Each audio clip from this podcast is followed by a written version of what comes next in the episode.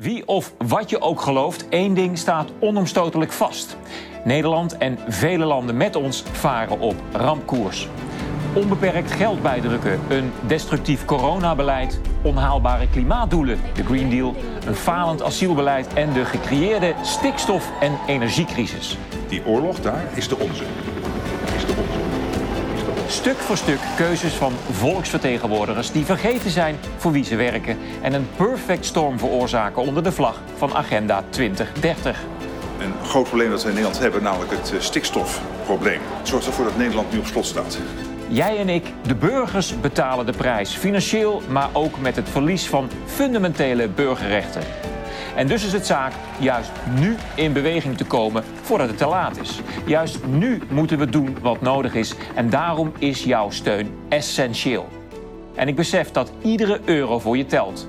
Maar wat als wij niet meer kunnen doen wat nodig is? Wie doet het dan wel? Steun ons dus en zorg dat Blackbox niet alleen blijft bestaan, maar ook groeit. Want het is keihard nodig. Juist nu.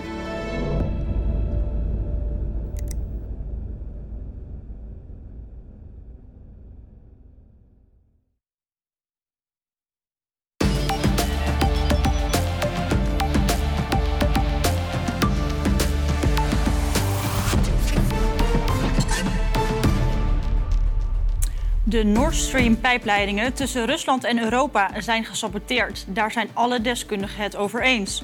Amerika-kenner Laura Slot bespreekt het explosieve dossier waar het vingerwijzen tussen Rusland en Amerika al is begonnen. Wie heeft een motief en wie is de lachende derde? In 2021 sloot de EU een partnerschap met Oekraïne ten aanzien van kritieke grondstoffen die cruciaal zijn voor de Europese energietransitie. De mineralen liggen in Oost-Oekraïne, waar vandaag referenda plaatsvonden om wel of niet bij Rusland te horen. Dit maakt de referenda meer dan een politieke kwestie, aldus David Boerstra, die zometeen inzicht geeft in het grote belang van de EU bij Oost-Oekraïne en het slagen van de Green Deal. En er zou onafhankelijk forensisch onderzoek moeten komen naar de integriteit en betrouwbaarheid van de EMA, vindt data-analyst Wouter Aukema, die grove onderrapportages en datacorruptie constateert van meldingen van vaccinbijwerkingen. Het is vandaag woensdag 28 september. Mijn naam is Anne Willemsen en je kijkt naar Blackbox Today.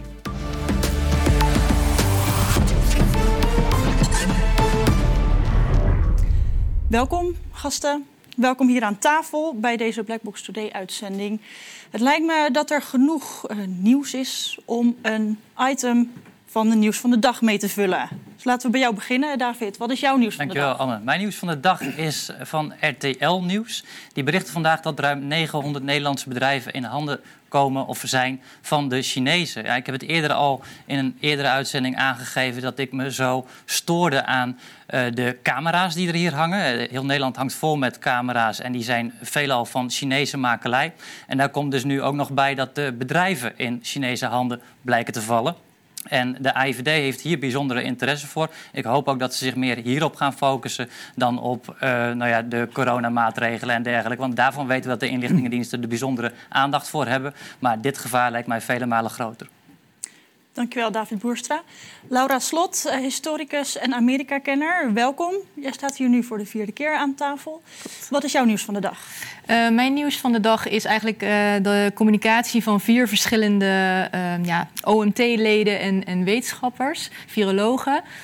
die hebben eigenlijk op, de, op exact hetzelfde moment alle vier dezelfde communicatie naar buiten gebracht via Twitter dat de herfst er weer aankomt en uh, dat, we, dat mensen uh, zich moeten gaan uh, laten testen en op moeten letten. En de, nou ja, goed, de, hele, de hele riedel die we eigenlijk wel kennen van de afgelopen twee jaar. Die communicatie ja, lijkt bijna gecoördineerd. En uh, ja, dit zijn die vier voorbeelden die we nu in beeld zien van die. Uh... En welke, welke vier personen zijn dat? Weet je dat uh, eentje, ja, Roland Pierik is dat. Marion Koopmans ook. Ja, die namen zijn ons inmiddels wel, wel bekend.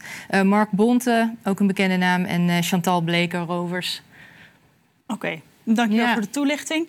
En een nieuw gezicht aan tafel, Wouter Aukema, welkom. Dankjewel. Mensen kunnen jou kennen van de onderzoeken die jij doet uh, ten aanzien van de uh, WOP-documenten. Ja. Blackbox maakte daar ook uh, graag gebruik van tijdens onze WOP-gate-updates. David, waar jij ook veel onderzoek naar hebt gedaan en hiervoor aan tafel stond. Maar je staat hier nu voor een ander onderwerp. Maar goed, daarover later meer. Ja. Wat is jouw nieuws van de dag? dat er in, in Frankrijk een, een, een, weerbericht aan zit te komen voor energieverbruik. En uh, dat als het weerbericht een code rood afgeeft, dat dat kan leiden tot uh, blackouts zelfs in de, in de energievoorziening. Dus het, het lijkt er een beetje op alsof daar een, een gedragsverandering uh, of ja, een gedragsvoorspelling mee wordt gedaan om iets van een flattende curve te krijgen in elektriciteitspieken. Ik, nou, ik vond dat wel frappant. Ja, opmerkelijk. dankjewel. Je kan er ook meer over lezen op onze website. De Nord Stream gaspijpleidingen tussen Rusland en Europa zijn gesaboteerd. Daar zijn alle deskundigen het over eens. Amerika-kenner Laura Slot bespreekt het explosieve dossier waar het vingerwijzen tussen Rusland en Amerika al is begonnen. Wie heeft een motief en wie is de lachende derde? Ja, ja. het lijkt wel een uh, James Bond film uh, eigenlijk. Op maandag waren er dus explosies en zijn er twee pijpleidingen uh, onbruikbaar gemaakt. Er was een, een, een, een ja, hoe zeg je dat? Een, een gasvlek met een doorsnee van een kilometer. Dat was ook uh, duidelijk te zien. Die foto is overal in het nieuws geweest. Um, ja, wat we eigenlijk kunnen zeggen is dat het onduidelijk is wie hierachter zit. Er wordt wel wild gespeculeerd in de media en de internationale politiek wie, wie hierachter zit. Maar ja, dat, dat is nog niet vast te stellen. Maar we kunnen natuurlijk wel kijken naar de, de motieven die verschillende landen en verschillende instanties hebben bij, die, uh, bij, bij deze acties. Um, nou, wat, wat opvallend is, is dat er in juni al uh, getraind is door de NAVO. Uh, die hebben met onbemande drones, een soort van onderzeeërs, hebben ze daar oefeningen gedaan. En in 2015 is er ook door, de Zweedse, door het Zweedse leger zijn daar ehm, explosieven van de zeebodem weggehaald. En niemand weet tot op de dag van, van vandaag wie die in 2015 toen de tijd hebben neergelegd. Um, nou, wat er nu gebeurt is dat de geopolitieke spanningen hierdoor enorm hoog oplopen. Vandaag uh, heeft uh, de Amerikaanse ambassade uh, gezegd dat Amerikanen beter Rusland zo snel mogelijk kunnen verlaten. Hier zie je het in beeld, ja. de Nord Stream gaslijnen. En er is omcirkeld waar de explosie heeft plaatsgevonden afgelopen ja, maandag. Precies, ja, ja, dus die, uh, die bolletjes die je ziet op de kaart, dat zijn dan de explosies geweest. Dat is in de buurt van een, een eilandje in uh, Denemarken is dat uh, gebeurd. En ja, allebei die pijpleidingen zijn nu volledig totaal los. Um, nou ja, goed, wat interessant is, is natuurlijk wat er nu gebeurt. Uh, er wordt heel veel vinger gewezen, zoals jij ook al zei. Een Poolse Europa Europarlementariër die gooide er meteen uit Thank you USA. Um, dus die leek het toe ja, op Twitter deed hij dat. Daar ja. je het in beeld. Ja, het is niet alleen dat hij het... ja, hij lijkt het hier dus toe te juichen. maar hij noemt meteen de USA. En waarom zou Amerika hier dan een belang bij hebben? Nou ja, dat, dat, dat is iets waar ik eigenlijk uh, wel een beetje dieper op in uh, ben gegaan. Uh, Amerika heeft in het verleden duidelijk laten weten dat zij er een doel van hebben gemaakt om te interveneren op de Europese energiemarkt. En ja, daar ben ik eigenlijk even iets verder ingedoken. Uh, die energiemarkt wordt nu natuurlijk behoorlijk ontwricht. Uh, er is best wel veel chaos in Europa, waar dit nu weer het laatste uh, symbool van is, het laatste teken van is. Maar welke motieven zou Amerika dan hebben bij, bij deze chaos die nu aan het ontstaan is? Dus um, ja, ik zal heel eventjes kijken wat, wat, wat, het volgende stukje is. Dat is eigenlijk dat wat interessant hierbij is, wat er nu gebeurd is met die explosies, is dat president Biden in februari al heeft gewaarschuwd dat hij die pijpleidingen eenvoudig uh, onklaar kan maken als dat nodig is. Dus dat is nog maar zes maanden geleden dat hij heeft aangekondigd dat dit kan. Het is misschien wel eventjes interessant om zijn woorden hierover uh, te beluisteren. Ja, dat zijn heftige woorden, maar laten we inderdaad even kijken naar Joe Biden. If, uh, if Russia invades, uh, that means tanks or troops crossing the, uh, the, the, border of Ukraine again. Then there, will be, we, there will be no longer uh, Nord Stream 2. We, we will bring an end to it. What do, what, how, will you, how will you do that exactly, since the project and control of the project is within Germany's control? We will, uh, I promise you, we'll be able to do it. Ja, Amerika die dat zegt over een gaslijn die loopt tussen Rusland en voornamelijk Duitsland. Dat is Ja. opmerkelijk. Ja, ik denk dat deze woorden in februari misschien nog wel soepel voorbij zijn gegaan. Maar eh, in deze context eh, is het natuurlijk weer, eh, weer nieuws. Dus dit is van 7 februari. Ja, volgens mij gaat het ook niet voor iedereen even soepel voorbij. We zien het hier niet in beeld, maar de Duitse bondskanselier die stond hier naast. Hè? Ja, Die stond naast Biden toen hij dit zei. En Ja, je ziet een gedeelte van de Duitse vlag, geloof ik, Ja. achter hem.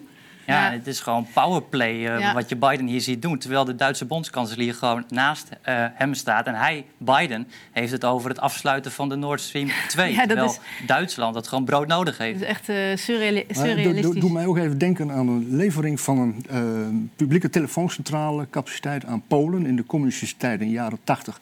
AT&T die zou die infrastructuur gaan leveren. En dat mocht alleen op de voorwaarde dat de Amerikaanse inlichtingendiensten daar een dead switch in konden aanbrengen. En dat is ook dus zodanig geleverd. Dus nou, daar ja, doet mij ja, dit een beetje ja, aan denken. Ja.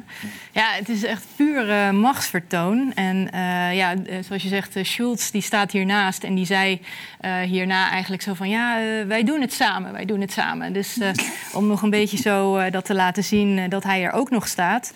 En maakt op basis van deze video Amerika dan een soort hoofdverdachte? Want hij laat hier een eh, motief zien. Ja, dit is natuurlijk best wel bizar dat, eh, dat er zes maanden later dan eh, die leidingen worden opgeblazen. dus eh, we gaan niet hier zeggen dat. ik laat alleen zien wat, wat we op dit moment weten. Hè. Ik denk dat het weinig zin heeft om echt te, ja, te- in de richting van schuld te gaan denken. Maar het is wel heel erg belangrijk om te kijken wat, wat is er tot nu toe gebeurd en welke feiten weten we nu. Ja, want hij sprak in deze video over Nord Stream 2. Met de ontploffing is ook de Nord Stream 1-pijplijn geraakt. Ja, dat, die, liggen op op, eh, die liggen naast elkaar eh, waar dit is gebeurd. Dus die splitsen eh, verderop op. Maar, dus ze zijn allebei volledig beschadigd. Ja, Ehm, ja eigenlijk ehm, wat hierin interessant is, is dat Amerika dit niet. Amerika zegt dit eigenlijk al jarenlang. Dat zij dit heel erg belangrijk vinden. Dat Europa wordt losgekoppeld van de Russische energiemarkt en wordt gekoppeld aan de Amerikaanse energiemarkt. En eh, in 2014 heeft de Condoleezza Rice, toenmalig minister van Buitenlandse Zaken in Amerika, heeft dit ook al gezegd. En dit is eigenlijk een soort déjà vu wat we hier hadden, omdat eh, zij over Merkel eh, ongeveer, hetzelfde, ongeveer hetzelfde heeft gezegd als wat Biden nu tegen Schulz eh, zegt. Oké, zullen we daar naar kijken? Let's do it. Now we need to have uh, tougher sanctions, and I'm afraid at some point this is going to probably have to invo- involve oil and gas. Uh, the Russian economy is vulnerable. 80% of Russian exports are in oil, gas, and minerals. Uh, people say, well, the Europeans will run out of energy. Well, the Russians will run out of cash before the Europeans run out of energy. And I understand that it's uncomfortable uh, to have an effect on business ties in this way. Uh, but this is one of the few instruments that we have. To, over the long run, you simply want to change the structure of energy dependence. You want to depend more on the North American energy platform, the tremendous bounty of oil and gas that we're finding in North America. You want to have pipelines that don't go through Ukraine and Russia. Uh, for years, we've tried to get the Europeans to be interested in different pipeline routes. It's time to do that. And so some of this is simply acting and acting as quickly as possible. Dit was dus een fragment uit 2014. Waarom Ja. had Amerika toen al belangen bij die eh, Russische pijplijn? Ja, ik denk dat het, dat het ontzettend veel eh, in, invloed, om invloed en macht eh, gaat. Dus eh, ja, dat Rusland de boeman is vergeleken vanuit Amerika gezien, dat is al, al, al lang natuurlijk bekend. Maar nu is het zo dat er in Europa heel veel consequenties zichtbaar worden. Waardoor die belangen nu extra in, in de spotlight komen te staan. Dus ik denk dat het heel erg belangrijk is dat we aandacht besteden aan... oké, laten we eens kijken naar het, het spel wat hier gespeeld wordt. Want wij zien als eh, burger maar een heel klein stukje. Nou ja, en de dem- democratische dimensie die is helemaal ver te zoeken. Uh, dus vandaar dat ik het wel interessant vond om deze momenten even met elkaar uh, te vergelijken. En wat ook heel erg belangrijk is, is dat de Europese Commissie steeds meer naar, met dezelfde taal is gaan spreken als Amerika. Dus dat beleid en die houding, die komen heel erg overeen. En dat gaat nu vaak in tegen de belangen van individuele Europese landen. Dus dat is heel erg belangrijk om te zien dat die spanningen nu verder oplopen. En uh, ja, de Europese Commissie die heeft onlangs twee nieuwe beleidsdossiers geactiveerd. Eentje is dan die, die Green Deal en de andere is het Repower EU-plan.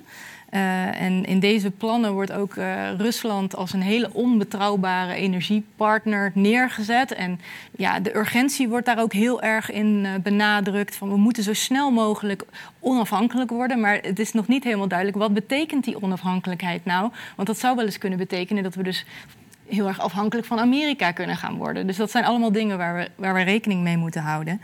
En uh, in juni vorig jaar heeft Blackbox een hele mooie blackcheck gemaakt. Over dit, is... dit jaar was het. Ja. Nog. oh ja, sorry. Ja, ja, ja. dit, Aantal afgelopen juni is dat, ja. En dat was echt een, uh, om te laten zien van... is Rusland nou echt zo onbetrouwbaar als er wordt gezegd of niet? En uh, ja, dat is wel even interessant om, uh, om eventjes te kijken... wat daar de, de grootste conclusies van waren. Ja, laten we even kijken naar een fragment van die blackcheck. Ondanks de samenwerking met Gazprom zorgde de Europese Unie in de afgelopen jaren voor twijfel in de zakenrelatie.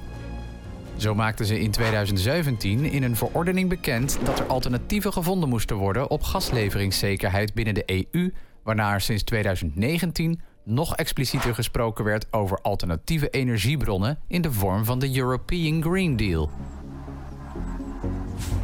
The European Green Deal is Europe's new growth strategy. We have to act now. Daarnaast prefereerde de EU in de afgelopen jaren de voor Rusland onaantrekkelijke korte termijncontracten vanwege de lage kosten. Echter, de gasprijzen stegen in het afgelopen jaar aanzienlijk met de huidige inflatie. Russische president Vladimir Poetin stelde in oktober 2021 naar aanleiding hiervan dat de situatie voorkomen had kunnen worden als Europa met Gazprom de gewenste lange termijncontracten had afgesloten, wat de EU in het verleden niet heeft willen doen.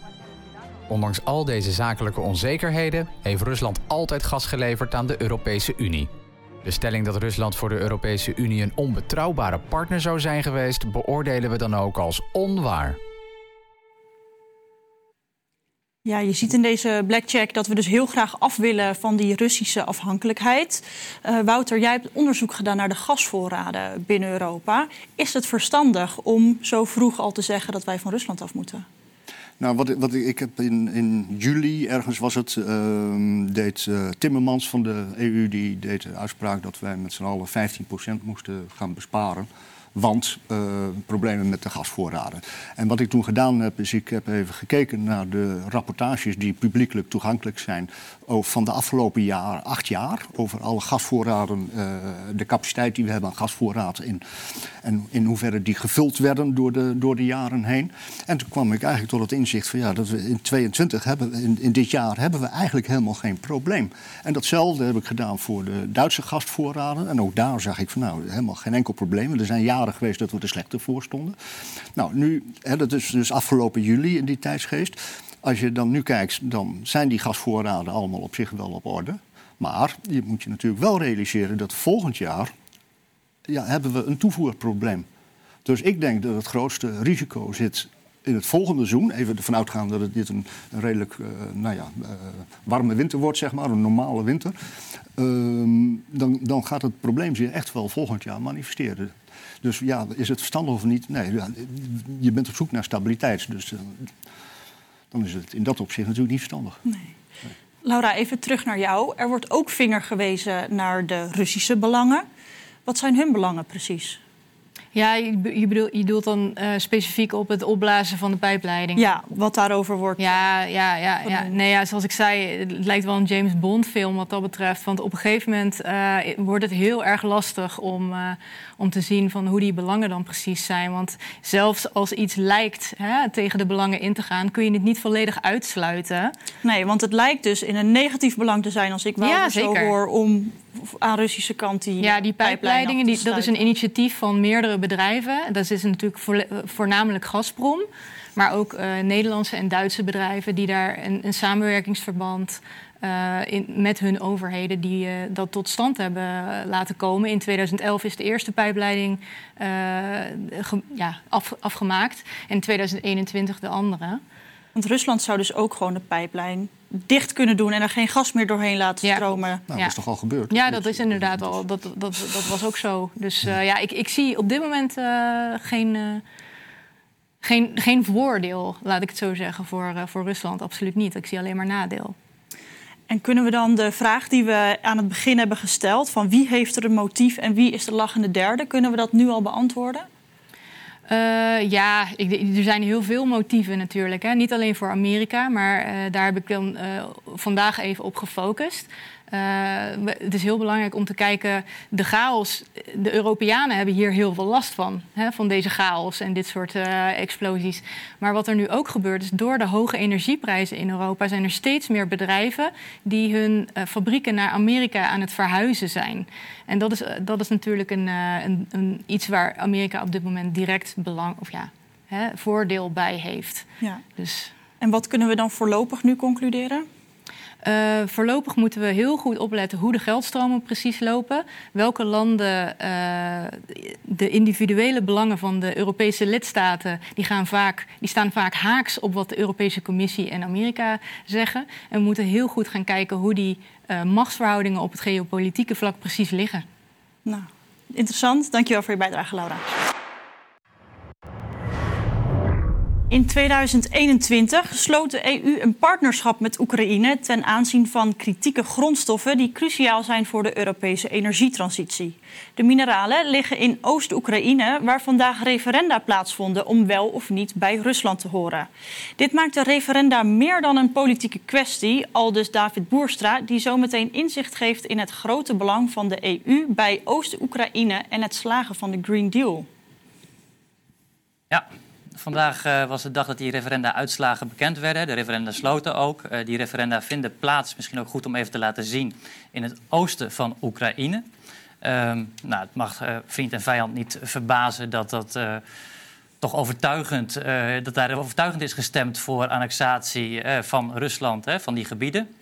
Het staat wel ter discussie, uiteraard. Hè. Nog voordat deze referenda plaats hadden, had Mark Rutte daar al opmerkingen over. Hij noemde het schijnreferenda. Nou, dat wordt dan in de Nederlandse media klakkeloos overgenomen. Even, we gaan nu heel makkelijk praten over het woord uh, van die referenda. Wat hielden die precies in? Of deze oostelijke provincies, als je het even zo mag noemen, zich willen aansluiten bij Rusland. Dat staat uiteraard ter discussie. Maar um, Mark Rutte die was er duidelijk over. Die zegt van het zijn schijnreferenda. Uh, de uitslag die staat bij voorbaat vast. En um, ja, dit conflict, hier is ook Amerika bij betrokken. Hè? Niet uh, direct misschien, maar Amerika die, uh, heeft hier wel een aandeel in. Hè? We hebben het net gehad over um, de energietoevoer, waar Amerika in is geïnteresseerd, hoe we dat in Europa doen. Maar deze Oekraïners die vechten tegen Rusland, die worden ook bewapend door Amerika. En afgelopen zondag was Wier Duk bij WNL op zondag. En hij noemde daar specifiek dat Amerika profiteert van de oorlog in Oekraïne. En toen dacht ik van nou, dat is wel even interessant om daar even goed naar te kijken van is dat nou zo? Dus daar hebben we een blackcheck van gemaakt. Lijkt me leuk om die even nu hier te bekijken. Ja, en jij sprak over Wier Duk, dat is een journalist van de Telegraaf. Ja, klopt. Oké, okay. laten we kijken naar de blackcheck. De oorlog in Oekraïne duurt inmiddels meer dan een half jaar. Echter van vredesonderhandelingen lijkt vooralsnog geen sprake. Elke oorlog eindigt uiteindelijk met onderhandelingen. Maar ik hoor nergens echt concreet dat er een diplomatiek kanaal is... waar overlegd wordt over, we gaan uh, bespreken. En dat komt ook even als laatste nog, ja, nee, omdat niet Europa hiervan profiteert uiteindelijk... maar de Amerika voor de Amerikanen is het allemaal niet zo ongunstig. Wiert Duk stelt hier bij WNL dat de Amerikanen profiteren van de oorlog in Oekraïne. Klopt dit? Wij zochten het uit. Sinds de oorlog in Oekraïne en de opgelegde sancties aan Rusland zit Europa in zwaar weer. De economie stevend af op een recessie en energiezekerheid is allesbehalve vanzelfsprekend. Aan de andere kant profiteert de VS van het Europese energietekort. Zo blijken Amerikaanse LNG-exporteurs de grote winnaars van de Europese energiecrisis. Amerika wordt hierdoor in de loop van 2022 zelfs de grootste exporteur van dit vloeibare gas. En terwijl Europa kampt met grote onzekerheden, wordt de positie van de dollar juist steeds sterker. Tot slot wordt de oorlog tegen Rusland door Oekraïners gevochten met veelal Amerikaans wapentuig, waar de Amerikaanse wapenindustrie goed geld aan verdient. The stock prices of the biggest U.S. weapons manufacturers spiked, many eventually climbing to their highest point in years. Het is dus duidelijk dat de Amerikanen profiteren van de oorlog in Oekraïne. Blackbox beoordeelt deze stelling dan ook als waar. Ja, dat economische voordeel, Laura, dat uh, haalde jij ook al even aan met het verplaatsen van Europese bedrijven naar Amerika. Maar de stelling is dus uh, ja, dat Amerika profiteert. Ja, daar heeft Wierduk absoluut gelijk in. De dollar wordt sterker ten opzichte van de euro. Uh, Amerika staat bekend om zijn militaire industriële complex. Die zijn de grootste wapenleverancier van de wereld. Nou, die spinnen hier garen bij. Die hebben gewoon voordeel uit uh, dat er ergens in de wereld oorlog plaatsvindt. Um, en we hadden het net ook al over energie. Amerika, zag je net in de blackcheck, is netto exporteur geworden, de grootste exporteur van LNG. Hè, dat is vloeibaar gas. Dat komt dus vanuit Amerika uh, naar Europa. En daar verdienen zij goed aan. Dus op, op drie, drie, verschillende punten is het al een feit dat Amerika gewoon weg voordeel haalt uit de situatie. En als je, met, met, wat we net ook over hadden, die uh, ontploffingen van de Nord Stream 1 en 2, als je niet zeker weet wie het heeft gedaan, kun je wel de feiten benoemen en beschouwen die je wel zeker weet. Nou, dit weten we dan van Amerika en de oorlog in Oekraïne die duurt al een tijdje. En ook in Europa horen we weinig geluiden die lijken op onderhandelingen, vredesonderhandelingen of diplomatieke betrekkingen, toch weer uh, mensen naar elkaar toe brengen, de, de Russen met de Oekraïners. Of, uh, dat, dat komt niet vanuit de Europese Unie. Ursula von der Leyen bijvoorbeeld, die hoor je ook niet dat soort taal bezigen, dat ze hoopt op verzoening of dat we gaan praten over vrede afgelopen augustus uh, had ze een keynote speech in Slovenië. En um, nou, laten we maar gewoon even kijken hoe zij daar sprak over de oorlog. Een fragment van Ursula von der Leyen. We have supported financially Ukraine with more than 10 billion euros since the beginning of the war, and I'm not including the bilateral support of our member states. And we are working on the next tranche. More has to come for Ukraine. This is very clear, my message to our member states. And we used, for the first time ever, resources from the European budget on military equipment to sustain Ukraine's brave defense effort. We will support Ukraine as long as it takes. We are doing it for Ukraine. We are doing this to uphold our European values. Ja, deze woorden sprak zij dus uit op de LED Strategic Forum in Slovenië, waar gepraat wordt over de belangen van Oost-Europa, waar zij Oekraïne zo erg uh, benoemt. Het klinkt inderdaad niet heel verzoenend. Nou ja, als je vindt dat uh, Oekraïne bij de Europese Unie zou moeten horen, misschien wel. Hè. Ze zei ook al eerder van dat ze vindt dat die zo snel mogelijk moeten kunnen toetreden. En zij was degene die dat toetredingsformulier al in de handen had gedrukt van uh, Zelensky. Maar um, wat ze ook hier zegt, is ook interessant, is dat militaire budgetten worden aangewend voor Oekraïne.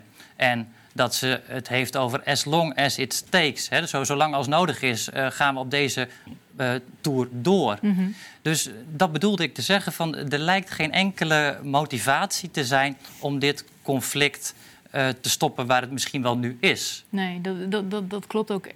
Alle vredesonderhandelingen, uh, hè, in april was er eigenlijk uh, het grootste initiatief. En uh, toen is eigenlijk zelfs, uh, ja, het is niet uh, helemaal zeker, maar het lijkt erop dat, er, dat die zelfs een beetje zijn tegengewerkt. Dus Boris Johnson is toen naar Oekraïne gevlogen en, het, en de onderhandelingen zijn een dag later. Ja, dat is heel, heel interessant. En, en, daarom is het denk ik, denk ik ook goed om te weten van wie heeft er nou voordeel aan dat zo'n conflict langer duurt. Of wie moet er per se winnen. He, uh, ze stond net ook al in beeld in de, uh, de, kleuren van de vlag van Oekraïne. Nou, dat is, is natuurlijk opmerkelijk. Maar uh, als het niet over Oekraïne gaat, dan gaat het over de Green Deal.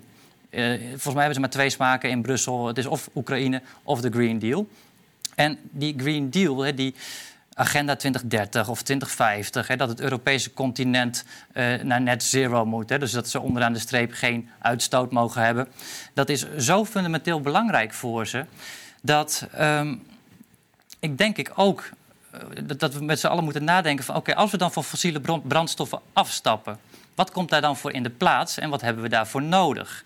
En de Wereldbank die heeft daar een heel mooi filmpje van, van waar we tegenaan lopen als we daadwerkelijk uh, voor windmolens gaan, voor iedereen een Tesla op de oprit, uh, alle, alle energie moeten opslaan in batterijen, omdat we van olie afstappen. Dus het lijkt me goed om daar even naar te kijken en dan, nou ja, daarna kom ik tot mijn uh, conclusie. Een fragment van de website van de Wereldbank.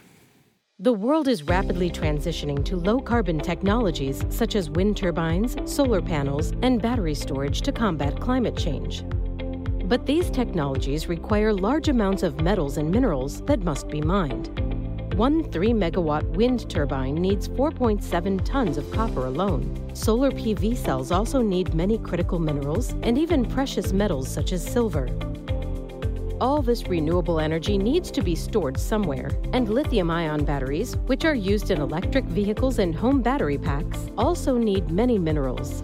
Renewable energy technologies require enormous amounts of different minerals, from nickel to cobalt. By 2050, this demand will skyrocket. Sustainable and reliable production must keep up. This leaves the world with a problem to solve. Ja, kan het gebrek aan mineralen een probleem zijn richting die uh, Green Deal-agenda? Uh, nou, als de Wereldbank vraagt wel. Hè, die zeggen van we hebben dan een probleem als dit uh, de weg is die we willen inslaan. en het is de weg hè, die we willen inslaan met z'n allen. Frans Timmermans, had het er net al over, die is hier de voorstander van die Green Deal. En we hebben het al een half jaar lang gehoord. We moeten verduurzamen, die energietransitie, die moeten we in. En dat, we moeten daarvoor pijn lijden. Je hebt het allemaal kunnen horen. Um, maar het moet ook ergens vandaan komen. Hè. Dit moet gewoon uit mijnen komen. We hebben kobalt nodig, lithium, uh, koper, nikkel, noem maar op. En waar haal je dat vandaan? Nou, dat is niet direct voorhanden. Laat, laat dat duidelijk zijn. En laat ik het dan maar meteen verklappen waarom ik hierop kom. Die referenda die waren in Oost-Oekraïne, in de Donbass. En de Europese Unie die heeft een lijst opgesteld van kritieke grondstoffen die we per se nodig hebben voor de Green Deal. Dat zijn 30 grondstoffen, delfstoffen, waarvan 21 in de Donbass liggen. Dus dan kun je misschien ook een beetje voorstellen waarom we nou per se daar, hè, we zeg ik het Westen, die oorlog moeten winnen. Wil je kans van slagen hebben met die Green Deal, dan kan het niet zo zijn dat Rusland het daar in die Donbass-regio voor het zeggen heeft. Want dan kunnen wij die grondstoffen niet delven. Dus zoals je zo vaak hebt gezien met oorlog, hè, of het nou Irak is of Oekraïne, het, er kan best een ander verhaal op worden opgeplakt. Hè, over dat er een dictator misschien wel massavernietigingswapens heeft. Of dat we het allemaal doen voor die Oekraïners omdat we ze eh, zelfbeschikkingsrecht gunnen. Maar Europa heeft hier ook een enorme prikkel. Als, het niet, eh, als wij daar niet de overhand hebben in die regio. Maar David, kunnen wij die, die delfs of kunnen we niet die, die mineralen ergens anders gaan delven? Nou, dat kan wel. Mijn nieuws van de dag ging over China, hè, die hier Nederlandse bedrijven uh, bij, blijkbaar bezit. Dit soort grondstoffen vind je ook in China wel. Maar dan moet je dus uh, met zo'n dictatuur uh, willen overleggen, handel willen drijven. En het is toch veel makkelijker als je dat doet binnen de Europese grenzen. Heb ik niet over de EU-grenzen, maar het Europese continent. Als je daar vandaan kunt halen, is dat veel lucratiever voor de Europese Unie. En die hebben daar ook al op voorgesorteerd. Vorig jaar al, in juli, kunnen we ook zien uit het persbericht. Ik moest er ook even voor het archief in. Maar het staat er gewoon. De Europese Unie maakte afspraken met Oekraïne over een strategisch partnerschap over die grondstoffen. Dus de Europese Unie ja, die zijn natuurlijk ook niet gek. Die hebben ook al vooruit gekeken. En die dachten van die grondstoffen die daar in de grond zitten, die hebben we nodig. En dat 13 ook in... juli 2021. Dat was dus voor de oorlog. Is ruim voor de oorlog, zeker. Nou, ehm, in de uitleg zien we ook wat hierover wordt gezegd. Het gaat echt over een, uh, een partnerschap uh, op het gebied van de Europese Green Deal. Dus de Europese Unie werkt samen met, de, met Oekraïne om die Europese Green Deal voor elkaar te krijgen. En in de toelichting van Thierry Breton de commissaris voor de interne markt, als ik me niet vergis, die zegt ook van ja, dit partnerschap zou helpen bij die grondstoffen uh, zeker te stellen. Hij heeft het dan over strategische afhankelijkheden. En uh, het potentieel van die kritieke grondstoffenreserves in Oekraïne worden daar benoemd. Dus dit is essentieel. Wil de Green Deal lukken, dan moet dit contract doorgang vinden. Dan moet deze samenwerking doorgang vinden. En zonder Oost-Oekraïne, zonder de Donbass, is de Green Deal gedoemd te mislukken. Het lijkt uh, als, een als een puzzelstukje perfect in, uh, in de rest uh, van het beleid te passen. En het koppelt ook dat, die klimaat, de Green Deal en alles bij elkaar. Het brengt eigenlijk alles bij elkaar zo. Het is bijna een kun je, niet stellen, kun je niet stellen dat het, hè, Rusland is de agressor, hè, die, die valt daar die regio binnen. En Rusland heeft dus ook een belang bij deze delfstoffen. Ja, absoluut. dus ik, het is dus niet alleen Europa die dat nodig heeft voor zijn Green Deal. Poetin is natuurlijk ook niet gek. Die ja, denkt van nou, exact. geef mij dat gebied maar, dan ben je ja. van mij. Hè? Helemaal waar. Kan je zo stellig zeggen dat de oorlog om deze reden wordt gevoerd? Nee, dat heb ik ook niet gezegd. Ik zeg niet dat de oorlog om die reden wordt gevoerd. Ik zeg alleen dat het een belang is. En we weten hoe belangrijk Europa, de Europese Unie, de Green Deal vindt. En om de Green Deal te laten slagen, hebben we die grondstoffen uit Oekraïne nodig. Ja, uiteindelijk gaat het natuurlijk om de mensen die daar wonen, in die regio's. Die hebben nu dan een referendum uh, hun stem uh, laten horen. En als daar niet naar geluisterd wordt, is dat natuurlijk wel een probleem. En dat haakt dan hier weer op aan.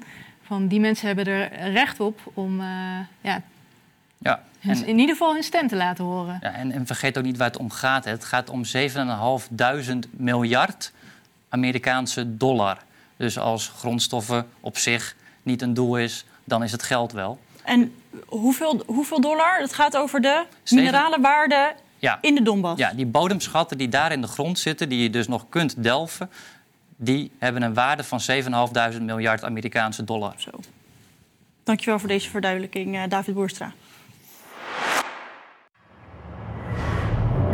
Er zou onafhankelijk forensisch onderzoek moeten komen naar de integriteit en betrouwbaarheid van de EMA, vindt data-analyst Wouter Aukema, die grove onderrapportages en datacorruptie constateert van meldingen van vaccinbijwerkingen. Ja, welkom aan tafel, uh, Wouter Aukema. Dankjewel.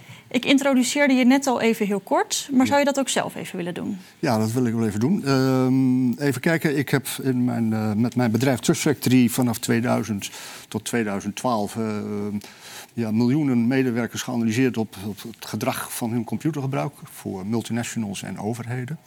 Uh, nou, dat heb ik uh, destijds verkocht aan IBM. Sindsdien uh, ja, hou ik bij bezig met big data vraagstukken. onder andere de stikstof, waar ik vanaf begin 2020 erg actief mee bezig ben. Dat is ook heel veel data.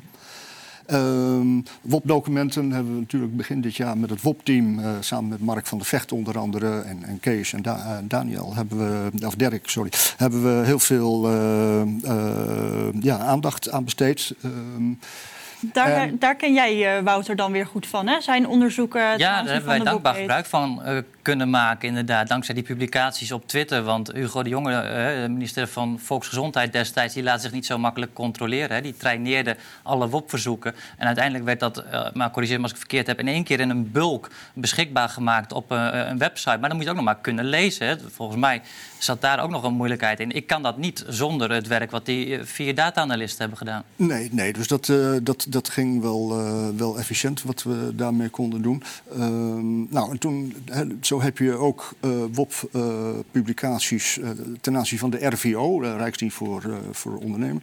En dan kom je ja, in de diertellingen terecht. Nou, toen zijn David en ik elkaar ook tegengekomen in Stroe. Omdat ik ook ten aanzien van die diertellingen nogal wat rariteiten tegenkom, zeg maar. En daar is het laatste woord nog niet over gezegd. Ehm, maar goed, ehm, ten aanzien van de meldingen van bijwerkingen. Ja. Uh, dat is waar we, waar we nu over praten. Ik vind het uh, fantastisch dat ik hier een podium krijg van, uh, van Blackbox. waar praten we over? Nou, we hebben in Nederland hebben we een, een LAREP. Daar kunnen artsen en, en mensen, een, als ze last hebben van bijwerkingen... of de patiënt van de arts heeft last van bijwerkingen... dan wordt dat daar bij LAREP gemeld. En LAREP die is, net als alle andere lidstaten in Europa... Uh, verplicht om die meldingen door te uh, melden richting de EMA, de Europese Medicijnautoriteit.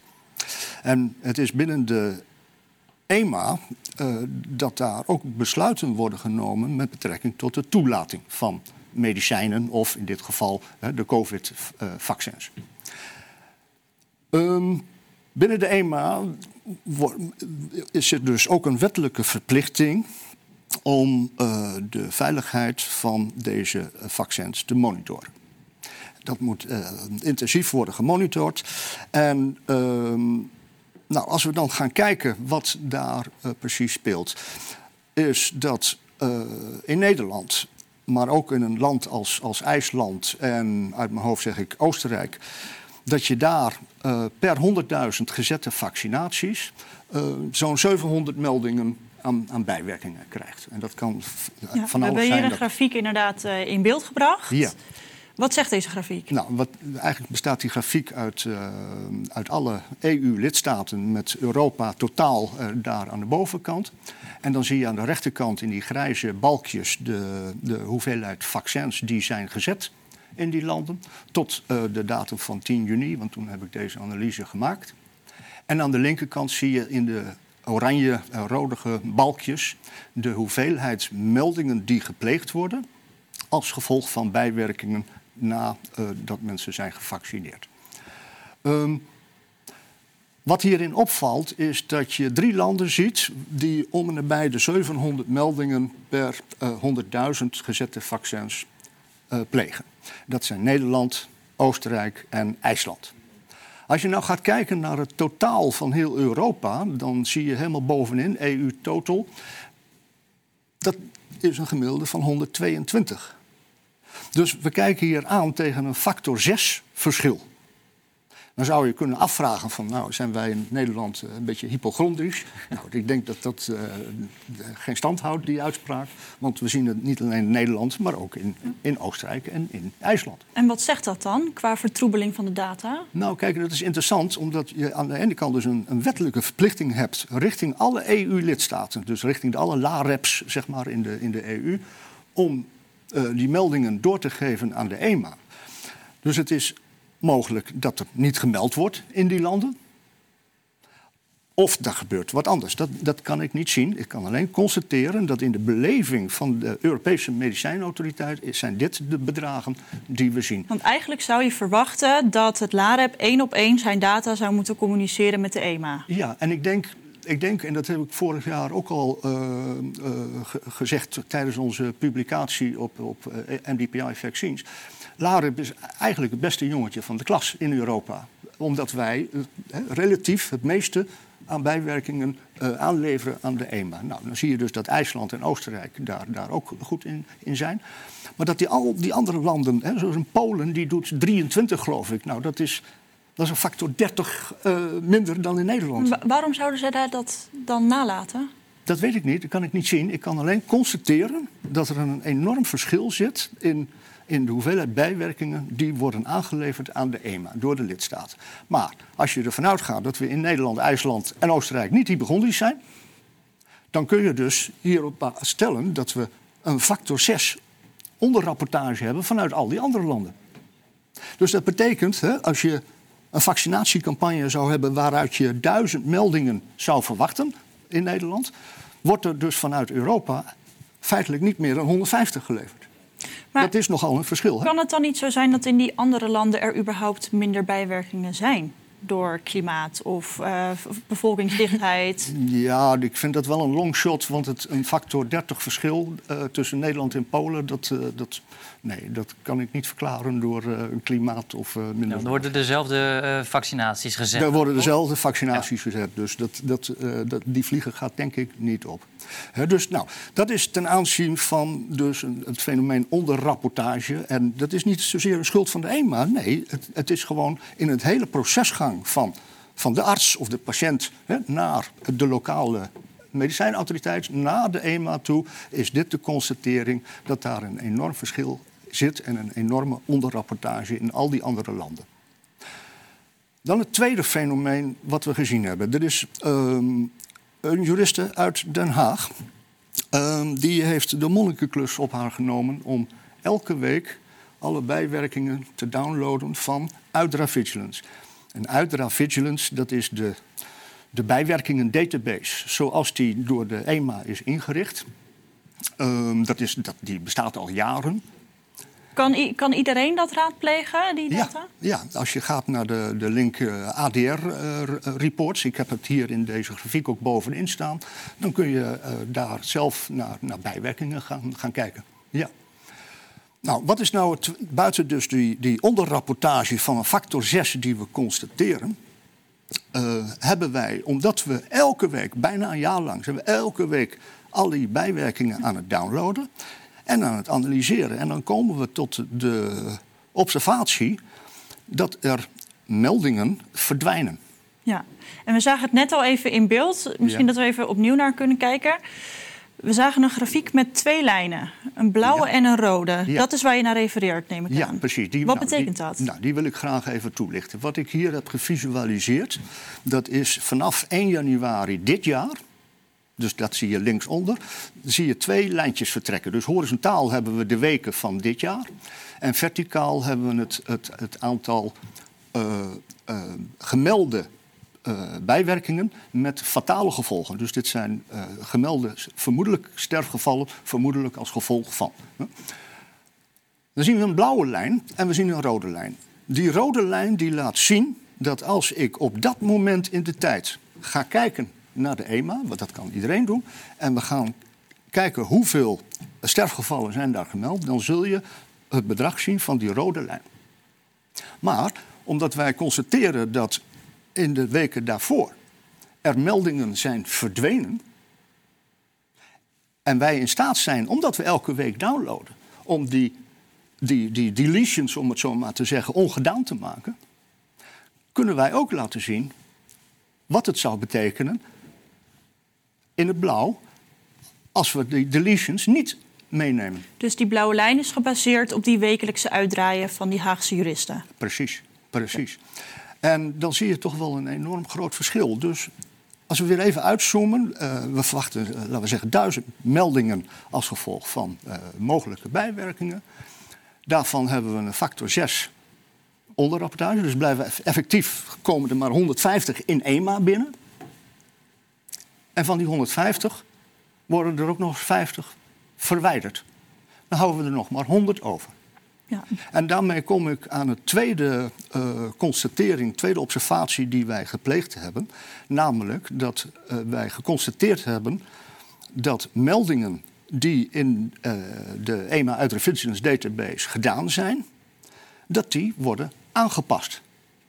Dat is de laatste en de, de derde Precies, en daar, ik heb een voorbeeld meegenomen van, een, eh, van één specifieke melding... die wij op, op twee eh, momenten dit jaar hebben gedownload. Wat ehm, betekent dit, wat we nu in beeld zien? Dit is een individual case safety report. Dus dit betreft één melding die ergens vanuit de, een EU-lidstaat... door dan wel een patiënt of een, eh, een particulier is gedaan. Eh, nou, en dit specifieke voorbeeld is dan een non-European Economic Area. Dus dit is een rapport dat is aangeleverd van buiten de EU. En daar zien we helemaal linksonder dat we dit op, uit mijn hoofd zeg ik, 22 juli hebben gedownload. En bovenin zie je de melderorganisatie, de sender organization. En je ziet dat het betreft een age category van 18 tot 64. Dit was in juli. Als wij in september dezezelfde melding gaan bekijken, moeten we even door naar het volgende plaatje. Wat daarin opvalt is een aantal aspecten. Rechtsboven zie je dat de sender organization veranderd is. Dat is opeens heeft dat een andere naam gekregen. Oké, kan gebeuren. Maar wat ik storend vind, is het feit dat de age group is, is verdwenen. Dus die age group die is nu unspecified. Hoe kan dat? Dat ze het Nou, eerst wel ja, hoe wisten dat kan, en dat dan weet nu ik niet meer? Ik, ik constateer. Ik constateer dat de- er dus een wijziging heeft plaatsgevonden in dit individual Mhm. case safety report, waarbij de, de leeftijdsgroep is veranderd van 18 tot 64 naar unspecified. Wat is de impact hiervan? Nou, als je een signaalanalyse doet omwille van veiligheidsmonitoring, als je die signaalanalyse doet op een bepaald leeftijdscohort, dan valt dit rapport dus nu vanaf september buiten de boot.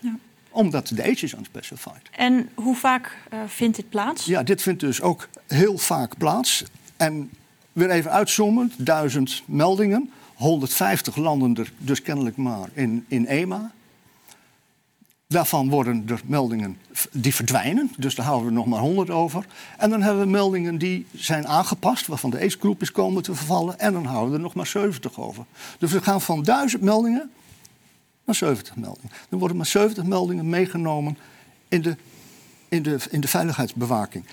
En dat vind ik schokkend, want vanuit de EU-regelgeving heerst er een verplichting dat bij de toelating van deze vaccins er intensief gemonitord wordt op de veiligheid. Nou, ik vind 70 van de 1000 die het maar halen in die veiligheidsmonitoring vind ik niet intensief. Dat is tegenovergesteld. Dus we constateren dat de Uitera-Vigilance Database niet voldoet aan de EU-wettelijke verplichting tot betrouwbaarheid, compleetheid uh, en, en uh, transparantie. En dat betekent ook dat elke claim die je pleegt, namelijk dat vaccin is veilig, die kun je niet stellen. Nee. En Want deze... die data klopt niet. De data klopt niet. De data is niet betrouwbaar, is niet integer. Nee. Is... Dat is dus de conclusie van, jou, uh, van jouw onderzoek. En die bevindingen die heb je ook gemeld uh, bij de EMA zelf. Nou, wij, uh, nee, dat heb ik niet gedaan. Wat wij doen is, en dat doe ik al, al, al, jaren, is ik publiceer mijn observaties altijd op Twitter. Oké. Okay. En dat is een, een feitenrelaas waar ook dus dit bewijs op te ja. vinden is. Ja. En, maar daar heb ik geen reactie van ontvangen, nou, uh, zeg maar. Als uh, redactie van Blackbox hebben wij wel om uh, reactie gevraagd van de EMA. En een paar minuutjes voordat de uitzending begon, hebben wij een, een, mail teruggekregen van de EMA. Laten we even kort gaan kijken naar de reactie die de EMA gaf op basis van jouw bevindingen. Oké. Okay. Dit is de mail, die staat nu nog in het Engels. Die hebben we kort gehighlight en ook nog in het Nederlands vertaald. En dan komen we op de volgende. We zijn op de hoogte van de misleidende beweringen van Wouter Aukema met betrekking tot de gegevens die zijn verzameld in de Eudro Vigilance Database. Meester Aukema's beweringen zijn gebaseerd op misverstanden of gebrek aan kennis van Eudra Vigilance en de informatie die het bevat. In Eudra Vigilance is het EMA de secundaire ontvanger van gegevens, wat betekent dat het agentschap geen gegevens kan wijzigen. Specifieke problemen die door het grote publiek worden gezien of geïnterpreteerd als directe uh, wijzigingen van het EMA, zijn in feite te wijten aan, het aan de stroom van de cyclus van spontane meldingen, bijvoorbeeld follow-ups en uh, nu aan tafel jouw eerste reactie. Je hebt hem heel even kort kunnen doorlezen. Er wordt behoorlijk. Uh, ja. Zijn ze streng? Ja, ik, ik, uh, nou ja, goed, ja, ik vind het jammer. Uh, want volgens mij beschuldig ik eenmaal nergens van. En, en uh, ja, acteren ze hier alsof ze een gebeten hond zijn. Dus dat begrijp ik niet. En ik denk dat het ja, hoe zal ik het zeggen, aan de kijker dan maar ter beoordeling is in hoeverre het feitelijke bewijs wat wij leveren uh, misleidend is. Ja. Uh, dus ik daag uh, eenmaal van harte uit om nog eens een keer in deze uitzending te komen, ja. maar dan met een delegaat van, van de EMA. En dan ga ik graag het gesprek aan. Ja, ja. want ze beschuldigen jou daadwerkelijk van misleiding. hoe zie jij dat? Ja, nou wat ik zeg, ik, ik constateer uh, uh, feiten en die maak ik inzichtelijk. En daar lever ik uh, bewijs voor aan. Dus ik zie de, misleiding daar niet in. Maar nogmaals, dat, dat, dat, dat gevecht ga ik graag met ze aan. Um, wat mij daarnaast opvalt is dat ehm, men zegt dat Udra Vigilance een secundaire ontvanger is van gegevens. Nou, volgens mij heb ik dat proces ook, ook aangestipt in het begin. Uh, waarbij we dus te maken hebben met National Competent Authorities, de LAREP, een Paul Ehrlich Instituut in Duitsland. Nou, en zo heb je dat in elke lidstaat. Die volgens de wettelijke verplichting die meldingen moeten doorgeven aan de, de Vigilance Database. Dus in dat opzicht klopt het dat EMA een secundaire ontvanger is. Um, maar zij zijn wel dan... verantwoordelijk voor die database, toch? Ja, maar daar kom ik ja, zo even, even, op. Want zij, wat zij hier dus zeggen is... dat betekent dat het agentschap geen gegevens kan wijzigen. Nou, dat vind ik heel, een hele interessante uitspraak.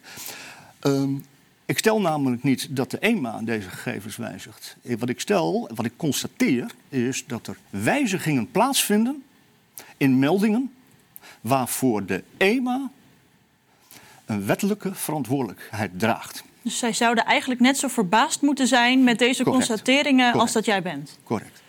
Dus, nou, en dan ga ik graag nog even door naar eh, het volgende punt. Dat, ehm, ja, ik geloof, oh ja, duplicaatbeheer.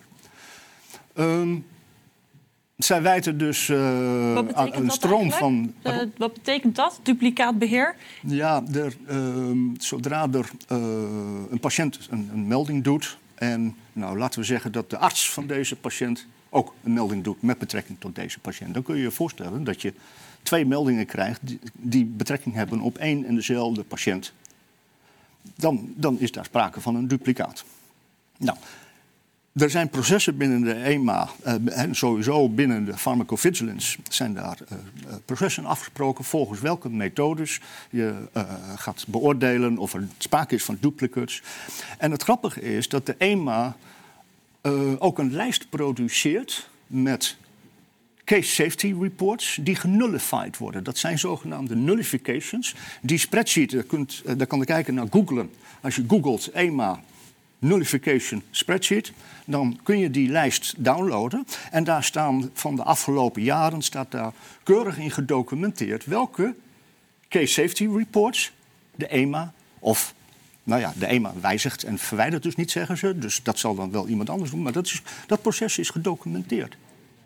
Ja, want anders kun je die data ook überhaupt niet gebruiken als die richtlijnen niet openbaar zijn. Precies, precies. Dat is best wel strak geregeld. Hm. Hè? Nu wil het zo dat op basis van deze nullifications ik geen verklaring kan vinden voor de verwijderingen die wij observeren in de database. Kan je En- dat verder uitleggen? Ja, Je kan dus geen verklaring ja, vinden? Stel dat ik constateer dat er duizend eh, meldingen zijn verdwenen. Dan zou ik dus in deze nullifications report van de EMA verwachten dat ik daar duizend case safety reports zie. Die Wat is zijn- dat voor report? Dat is een melding. Dus een ICSR, eh, Individual Case Safety Report. Dat is in feite de melding die een arts of een patiënt heeft gedaan met betrekking tot een bijwerking. Of meerdere bijwerkingen. hè.